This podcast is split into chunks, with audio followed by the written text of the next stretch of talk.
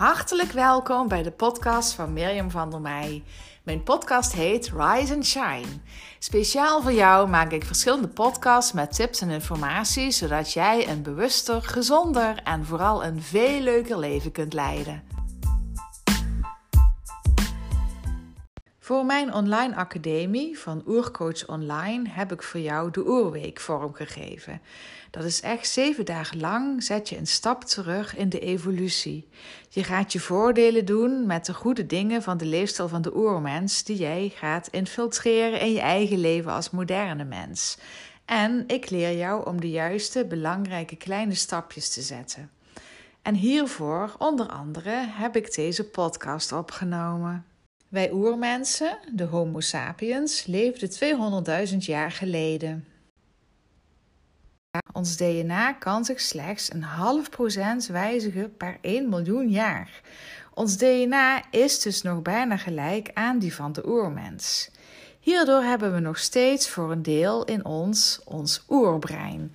En dit oerbrein, ook vaak reptiele brein genoemd, denkt niet na en onthoudt niks. Het werkt in ons onderbewustzijn instinctief en automatisch.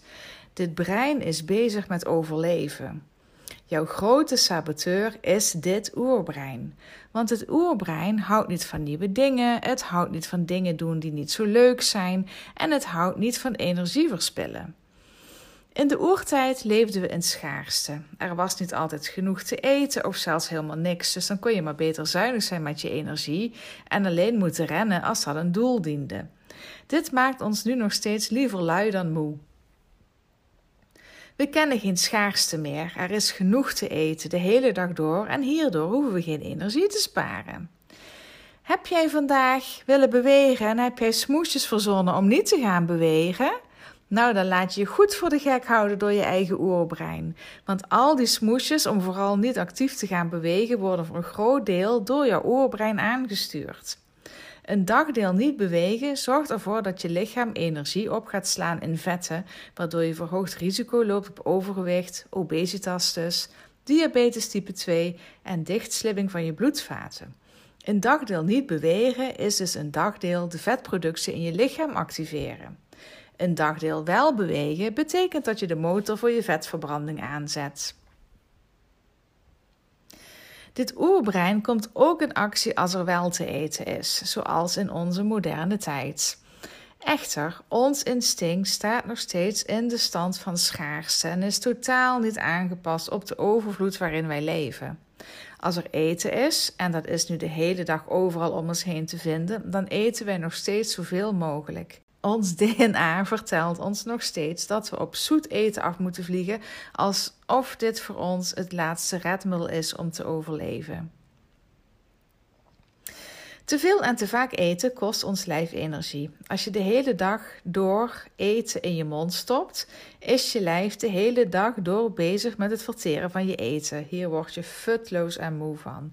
Dus laat je niet voor de gek houden door je oerbrein om te veel, te vaak, te zoet, te zout en te vet te eten.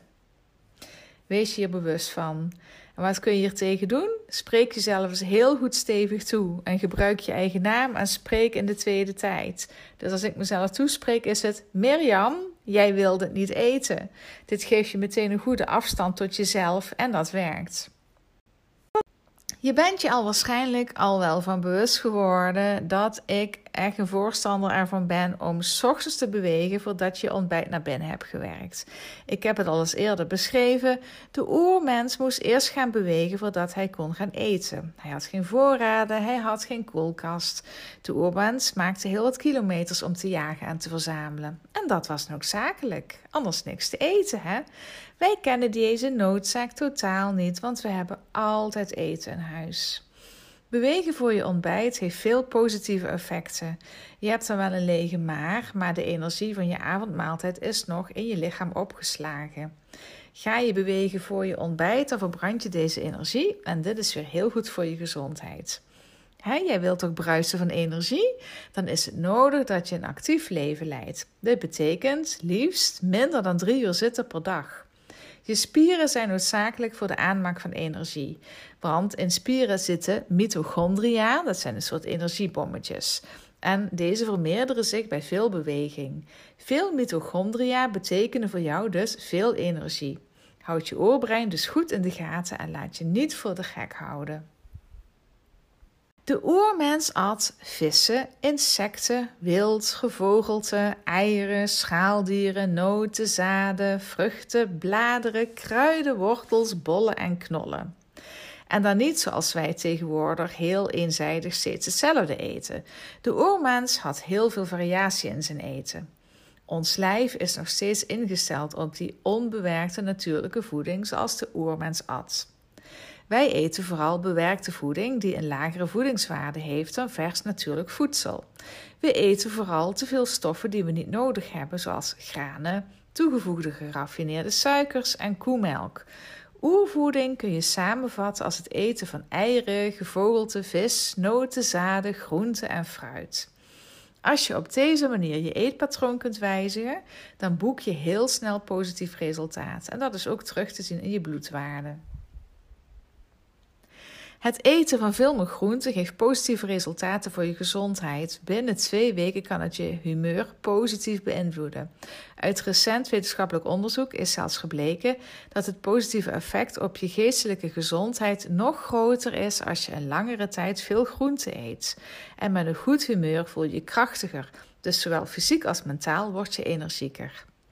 Ik geef het vaker aan. Het gaat om de kleine stapjes. Als jij je de komende dagen en langer je aan de keuze weet te houden die je hebt gemaakt voor de wijziging in je eetpatroon, dan mag je echt voor jezelf applaudisseren. Oervoeding kent voor jou nog veel meer veranderingen. Daar gaan we nu niet aan beginnen, want dan worden de stappen voor jou te veel en te groot. Dat kun je niet volhouden. Het beste is om maximaal drie gezonde maaltijden per dag te eten en geen tussendoortjes. Maar als jij gewend bent om zes maaltijden per dag te eten of nog vaker iets in je mond te stoppen, dan is het voor jou een hele overwinning en dus ook een hele grote stap om nu met de juiste kleine stapjes je tussendoortjes te gaan vervangen voor iets gezonds. Een stapje wat je heel gemakkelijk ook kunt zetten is veel water drinken op een dag. We hebben heel veel water nodig om afvalstoffen voldoende uit ons lichaam te verwijderen. Want met te weinig drinken krijgen we klachten als moeheid en energieloosheid en futloosheid. Met nadruk geef ik aan dat je water moet drinken. Probeer echt om frisdrank en vruchtensappen te vermijden. Die zitten boordevol toegevoegde suikers en van die suikers word je ook weer moe en futloos. Dit teveel aan suikers wat je op deze manier binnenkrijgt, wordt ook weer omgezet in vet. Je wordt er dus dik van.